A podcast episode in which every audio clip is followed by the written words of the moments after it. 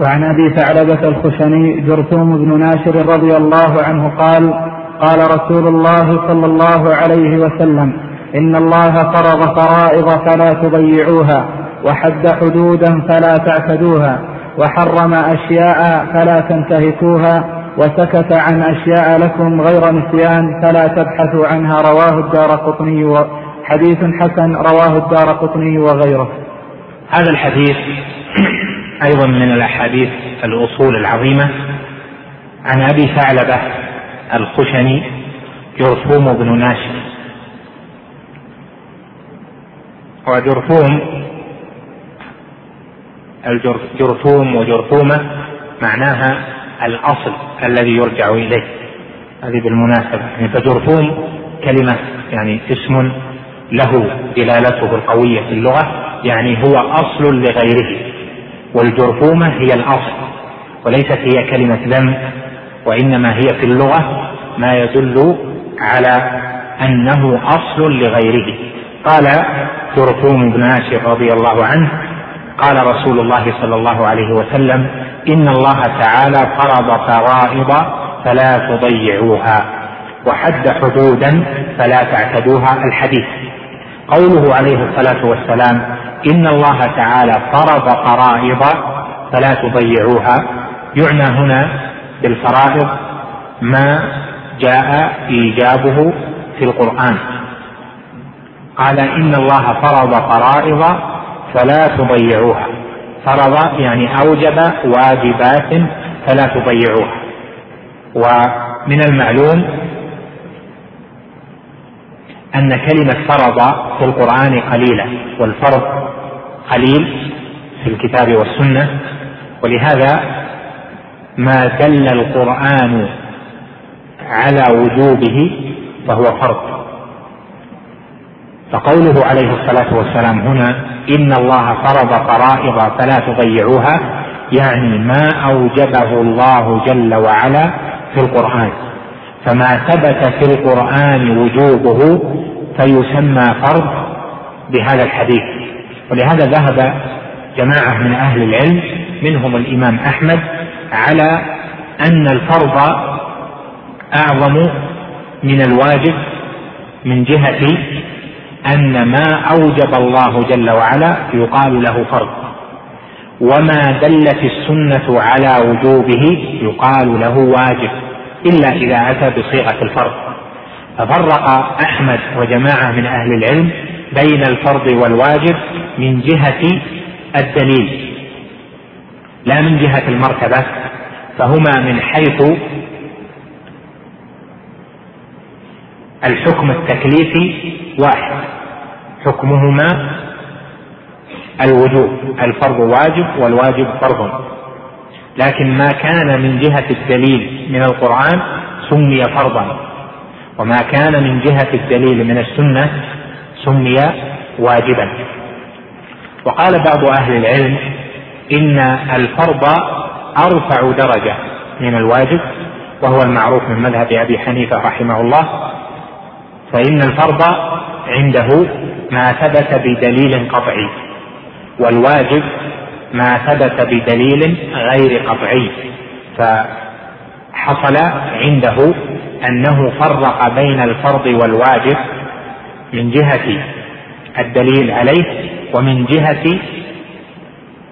مرتبته فالفرض عنده أرفع من الواجب. والقول الأول لا الفرض والواجب من حيث المرتبة واحد لكن من حيث الثبوت مختلف.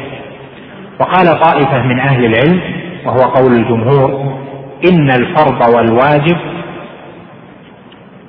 واحد من حيث الدليل عليهما ومن حيث المرتبة. فيقال الصلوات الخمس فرائض ويقال هي واجبة. ويقال صوم رمضان واجب ويقال فرض. ويقال الحج واجب وفرض. يقال بر الوالدين واجب وفرض. وهكذا على هذا القول الثالث وهو القول المعروف المشهور لأن الفرائض والواجبات معناهما واحد فالفرض معناه الواجب. ولهذا نقول إن قوله عليه الصلاة والسلام إن الله تعالى فرض فرائض فلا تضيعوها يعني ما أوجبه الله جل وعلا في القرآن فلا نضيع فنهى عليه الصلاة والسلام عن تضييعه. وما أمر به المصطفى صلى الله عليه وسلم فهو من حيث اللزوم والإلزام بعدم تضييعه بدليل خارج عن هذا الدليل وهو بدليل قول الله جل وعلا وما آتاكم الرسول فخذوه وما نهاكم عنه فانتهوا. وبقوله جل وعلا وأطيعوا الله والرسول لعلكم ترحمون والآيات كثيرة في هذا الباب. وبقوله عليه الصلاة والسلام ألا وإني أوتيت الكتاب ومثله معه إلى أن قال ألا وإن ما حرم رسول الله صلى الله عليه وسلم مثل ما حرم الله في الحديث المعروف حديث تحريم الحمر في خيبر إلى آخره. المقصود أن قوله فلا تضيعوها. يعني امتثلوا وأدوا هذه الفرائض ولا تضيعوها بعدم الامتثال فإن الله ما فرضها إلا لتمتثل. وهذا يدل على أن من ضيع أثم لأنه نهى عن التضييع. وهذا داخل ضمن القاعدة أن ترك الواجب محرم. قال وحد حدودا فلا تعتدوها. هذا اللفظ حد حدودا فلا تعتدوها. يدخل فيه البحث من جهات كثيرة لكن ألخص لك ذلك بتقرير قاعدة عامة في فهم نصوص الكتاب والسنة التي جاء فيها لفظ لفظ الحد والحدود. وهي أنها جاءت على ثلاثة أنواع من الاستعمال. الأول أن يؤتى بلفظ الحدود.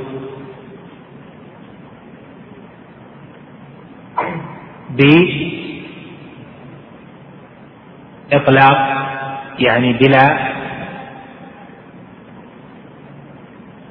أمر أو نهي بعدها كقوله تعالى في سورة النساء تلك حدود الله ومن يطع الله ورسوله. أو تأتي ويكون بعدها النهي عن الاعتداء كقوله جل وعلا وتلك حدود الله ومن يتعد حدود الله فقد ظلم نفسه. وكقوله تلك حدود الله فلا تعتدوها. والثالث أن يكون بعد ذكر الحدود النهي عن المقاربة.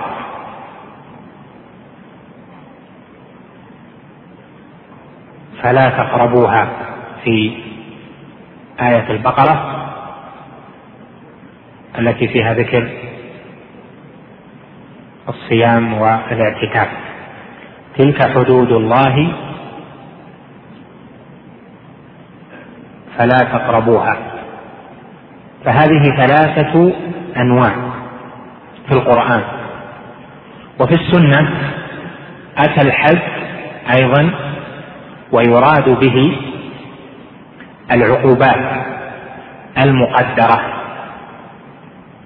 أو يراد به الذنوب التي عليها عقوبات يعني المحرمات التي يجب في حق من اقتحمها أن يعاقب. إذا تقرر ذلك فنرجع إلى تأصيل هذا في أن الحدود لفظ استعمل في الكتاب والسنة واستعمل في كلام الفقهاء. وكلام الثالث في التقسيم إلى الأنواع هذا إنما هو لنصوص الكتاب والسنة. وأما التعبير بالحدود في كتب أهل العلم وأهل الفقه فهذا استعمال اصطلاحي ليس هو استعمال الحدود في نصوص الكتاب والسنة. إذا تبين هذا فالنوع الأول ذكرنا لكم ثلاثة أنواع. النوع الأول كقوله تلك حدود الله ومن يطع الله ورسوله أو كقوله وتلك حدود الله ومن يتعد حدود الله. وكقوله تلك حدود الله فلا تعتدوها. فإذا ذكر الحدود بلا كلمة بعدها يعني النهي عن الاعتداء أو ذكر بعدها النهي عن الاعتداء فإن المراد بالحدود هنا الفرائض. يعني ما أذن به. الفرائض أو ما أذن به. فما أذن به فرضا كان أو مستحبا أو مباحا فالحدود هنا يراد بها هذه الأشياء. ولهذا جاء بعدها فلا تعتدوها فالذي يخرج من دائرة المأذون به إلى خارج عن المأذون به فقد تعدى الحد وقد خرج عنه. وهذا الحد هو حد المأذون به فهذا نوع. تلك حدود الله جاءت بعد بيان ما فرض الله جل وعلا في التركات. يوصيكم الله في أولادكم. الآية في سورة النساء. لما أتمها في آيتين قال تلك حدود الله. ومن يطع الله ورسوله يعني هذا ما أمر الله جل وعلا به وشرعه. وهذا معناه أن هذه حدود المأمور. ولهذا عقبها بالطاعة. قال ومن يطع الله ورسوله. وتلك حدود الله ومن يتعد حدود الله فقد ظلم نفسه. هذه الحدود هي ما أذن به وأمر به. هذا هو النوع الأول. فالحدود هنا ليست هي المحرمات الحدود هي ما أذن به يدخل فيها الواجبات والمستحبات والمباحات. الحدود بالمعنى الثاني إذا جعلت للمحرمات فلها ضابطان الأول أن يكون بعدها فلا تقربوها وأن يكون بعدها أو معها ذكر عقوبة وهذا يعني أن الحدود هنا هي المحرمات. لهذا ناسب أن يكون معها النهي عن القربان النهي عن الاقتراب. تلك حدود الله فلا تقربوها يعني المحرمات لا تقرب. ولا يقترب منها. فهذا نوع. ولأجل هذا النوع قيل في العقوبات التي شرعت لمن انتهك تطهيرا لمن انتهك المحرمات قيل لها حدود.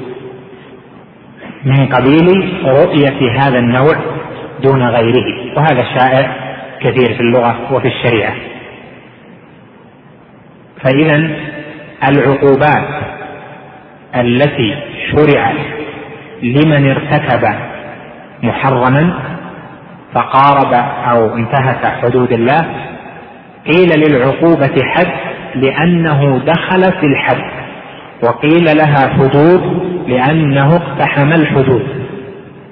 وأما النوع الثالث وهو العقوبات التي جاءت في بعض الأحاديث فهذه المراد منها ما جعل في الشرع له عقاب بعينه.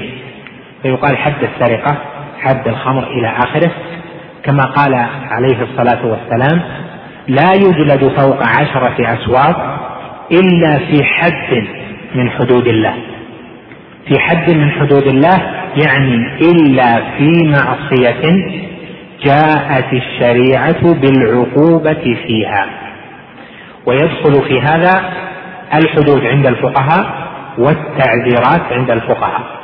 فقوله عليه الصلاة والسلام في هذا القسم الثالث لا يجلد فوق عشرة أسواق يعني تأديبا فلا يحل لأحد أن يؤدب من أبيح له تأديبه فوق عشرة أسواق إلا في حد من حدود الله يعني إلا في عقوبة جاء الشرع بها إما أن تكون حدا على اصطلاح الفقهاء أو أن تكون تعذيرا.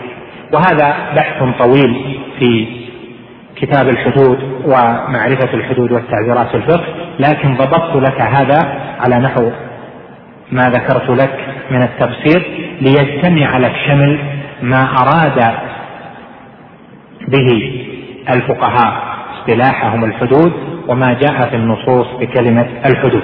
إذا تقررت هذه القاعدة وهذا التحقيق في فهم هذه الكلمة التي أشكلت على كثير من العلماء ولعدم فهمها ذهبوا إلى مذاهب شتى قال عليه الصلاة والسلام نقول هنا وحد حدودا فلا تعتدوها هنا الحدود على ما ذكرنا هي ما أذن به الواجبات والمستحبات وما أشبه ذلك. لهذا قال حد حدودا فلا تعتدوها. يعني لا تعتدي ما أذن لك فكن في دائرة الواجب والمستحب والمباح ولا تنتقل منه إلى غيره. الأول فرض فرائض فلا تضيعوها يعني امتثل الفرائض أد الواجبات. والثاني كن في دائرة المستحب والمباح ولا تتعده إلى غيره. ثم قال وحرم أشياء فلا تنتهكوها.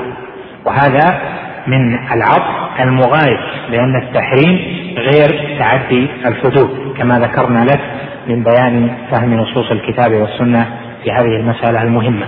فما حرم الله جل وعلا نهانا عليه الصلاة والسلام أن ننتهكه. والتعبير بالانتهاك أيضا يفيد الاعتداء وعدم المبالاة ممن انتهك المحرمات قال وحرم أشياء فلا تنتهكوها.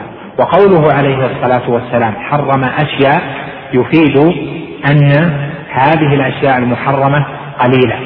ولهذا تجد أن أصول المحرمات في الأطعمة قليلة؟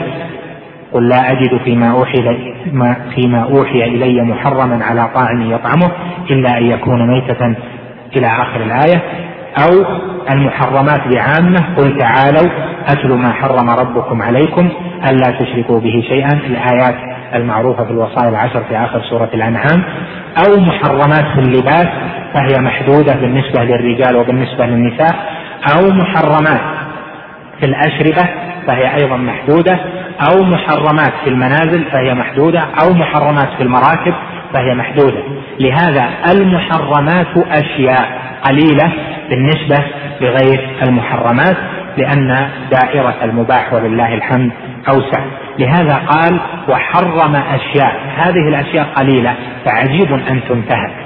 فقال فلا تنتهكوها فيكون هذا المنتهك لهذه المحرمات شيء في نفسه جعله ينتهك هذا القليل ويغرى بهذا القليل.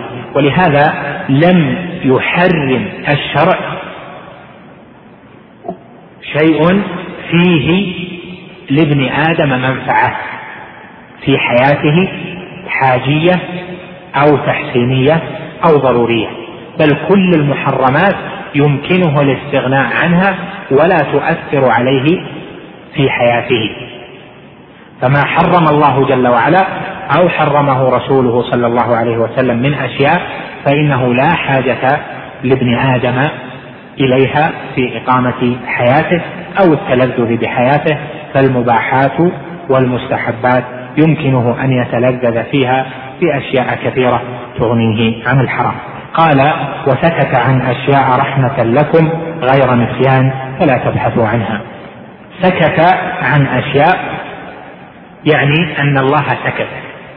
وهذا السكوت الذي وصف الله جل وعلا به ليس هو السكوت المقابل للكلام. يقال تكلم وسكت. وإنما هذا سكوت يقابل به إظهار الحكم. فالله جل وعلا سكت عن التحريم بمعنى لم يحرم لم يظهر لنا أن هذا حرام. فالسكوت هنا من قبيل الحكم سكوت عن الحكم وليس سكوتا عن الكلام. فغلط على هذا من قال إن هذه الكلمة يستدل بها على إثبات صفة السكوت لله جل وعلا وهذا مما لم يأتي في نصوص. السلف في الصفات وهذا الحديث وأمثاله لا يدل على أن السكوت صفة لأن السكوت قسمان سكوت عن الكلام وهذا لا يوصف الله جل وعلا به بل يوصف الله سبحانه وتعالى بأنه متكلم وهو يتكلم كيف شاء إذا شاء متى شاء. وأما صفة السكوت عن الكلام فهذه لم تأتي في الكتاب ولا في السنة فنقف على ما وقفنا على ما وقفنا عليه يعني على ما أوقفنا الشارع عليه فلا نتعدى ذلك. والقسم الثاني من السكوت السكوت عن إظهار الحكم أو عن إظهار الخبر وأشباه ذلك. فلو فرض مثلا أن أنا أمامكم الآن وأتكلم باسترسال. سكت عن أشياء وأنا مسترسل في الكلام. بمعنى أني لم أظهر لكم أشياء أعلمها تتعلق بالأحاديث التي نشرحها.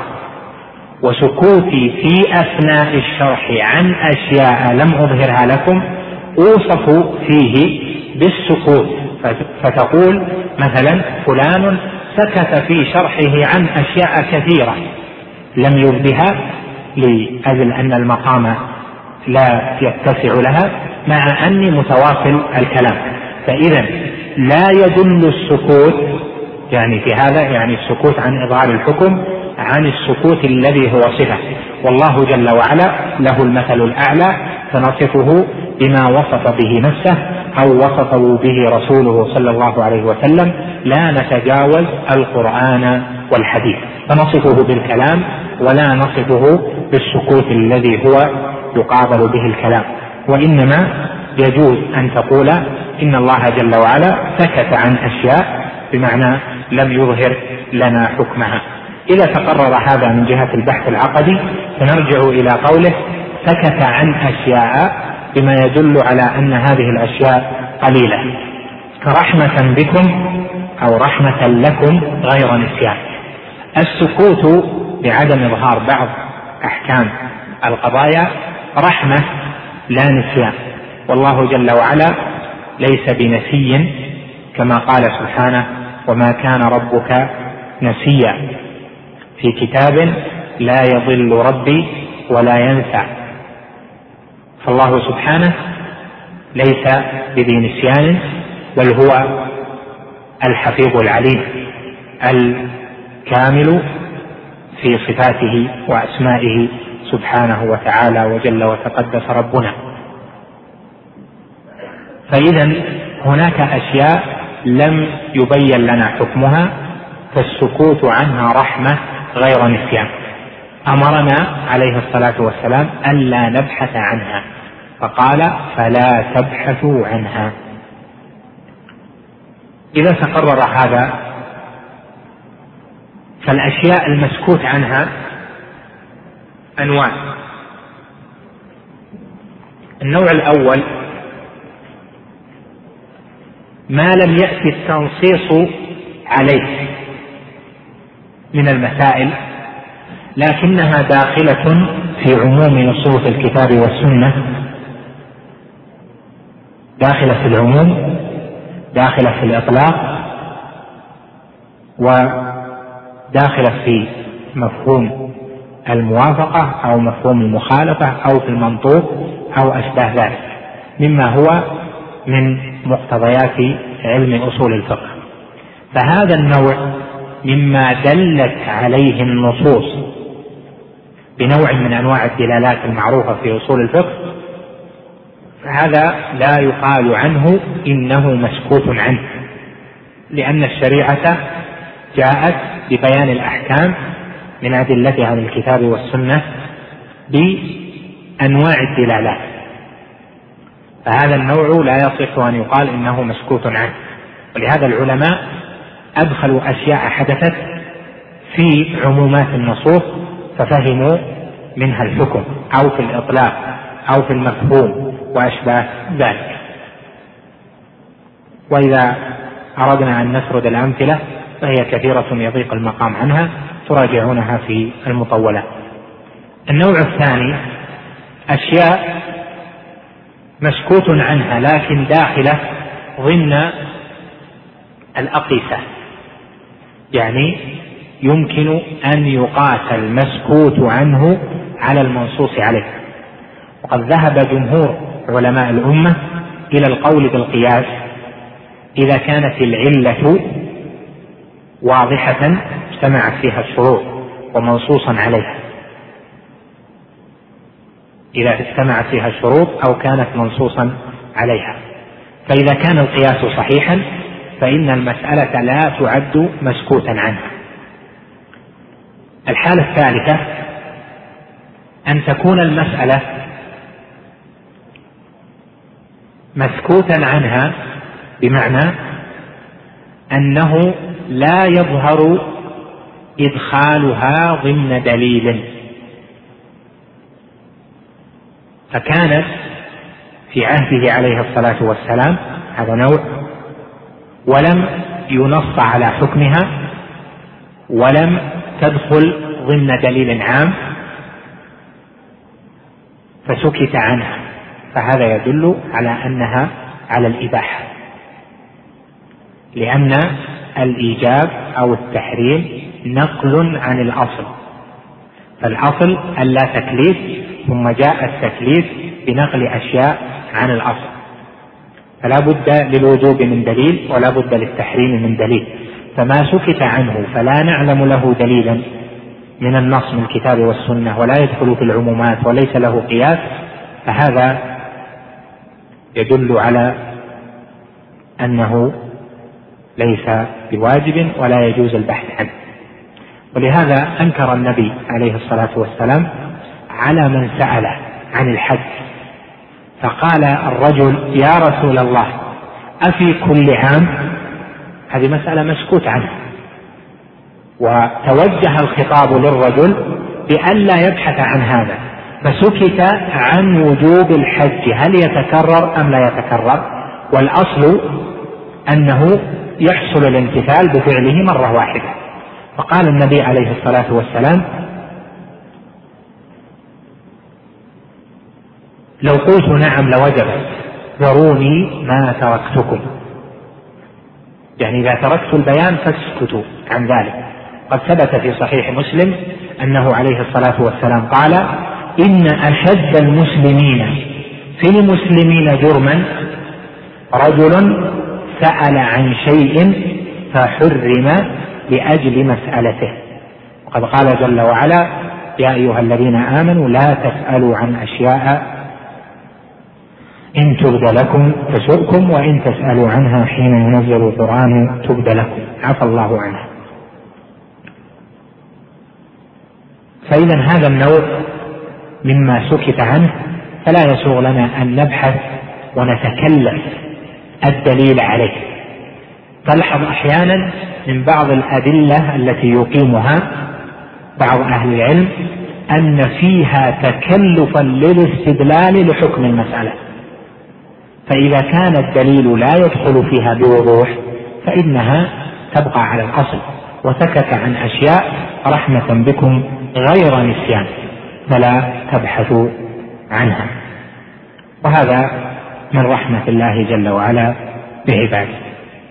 أسأل الله الكريم بأسمائه الحسنى وصفاته العلى أن يلهمني وإياكم الرشد والسداد وأن يعلمنا ما ينفعنا وأن يثبت العلم في قلوبنا ويرزقنا زكاته والعمل به وتعليمه والإحسان في ذلك كله. بقي عندنا اثنا عشر حديثا وبقي عندنا جلستان غدا بعد العشاء ويوم الخميس عصرا. نكمل إن شاء الله تعالى البقية لأن الأحاديث البقية قصيرة وليست بطويلة وأحاديث اليوم وما قبل كانت طويلة في ألفاظها. وإلى لقاء إن شاء الله تعالى. وأثابكم الله.